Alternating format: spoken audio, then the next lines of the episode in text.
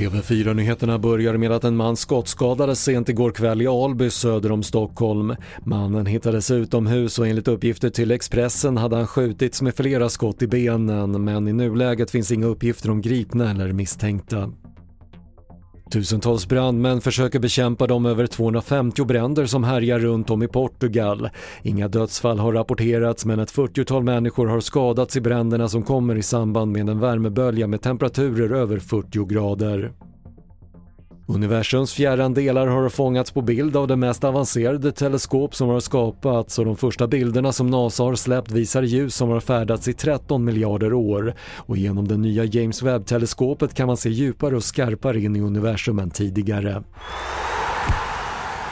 Och I fotbolls-EM blev Norge utklassat av England igår kväll. Med största seger någonsin i ett EM vann England med hela 8-0 och i och med segern har England nu säkrat avancemang till kvartsfinal.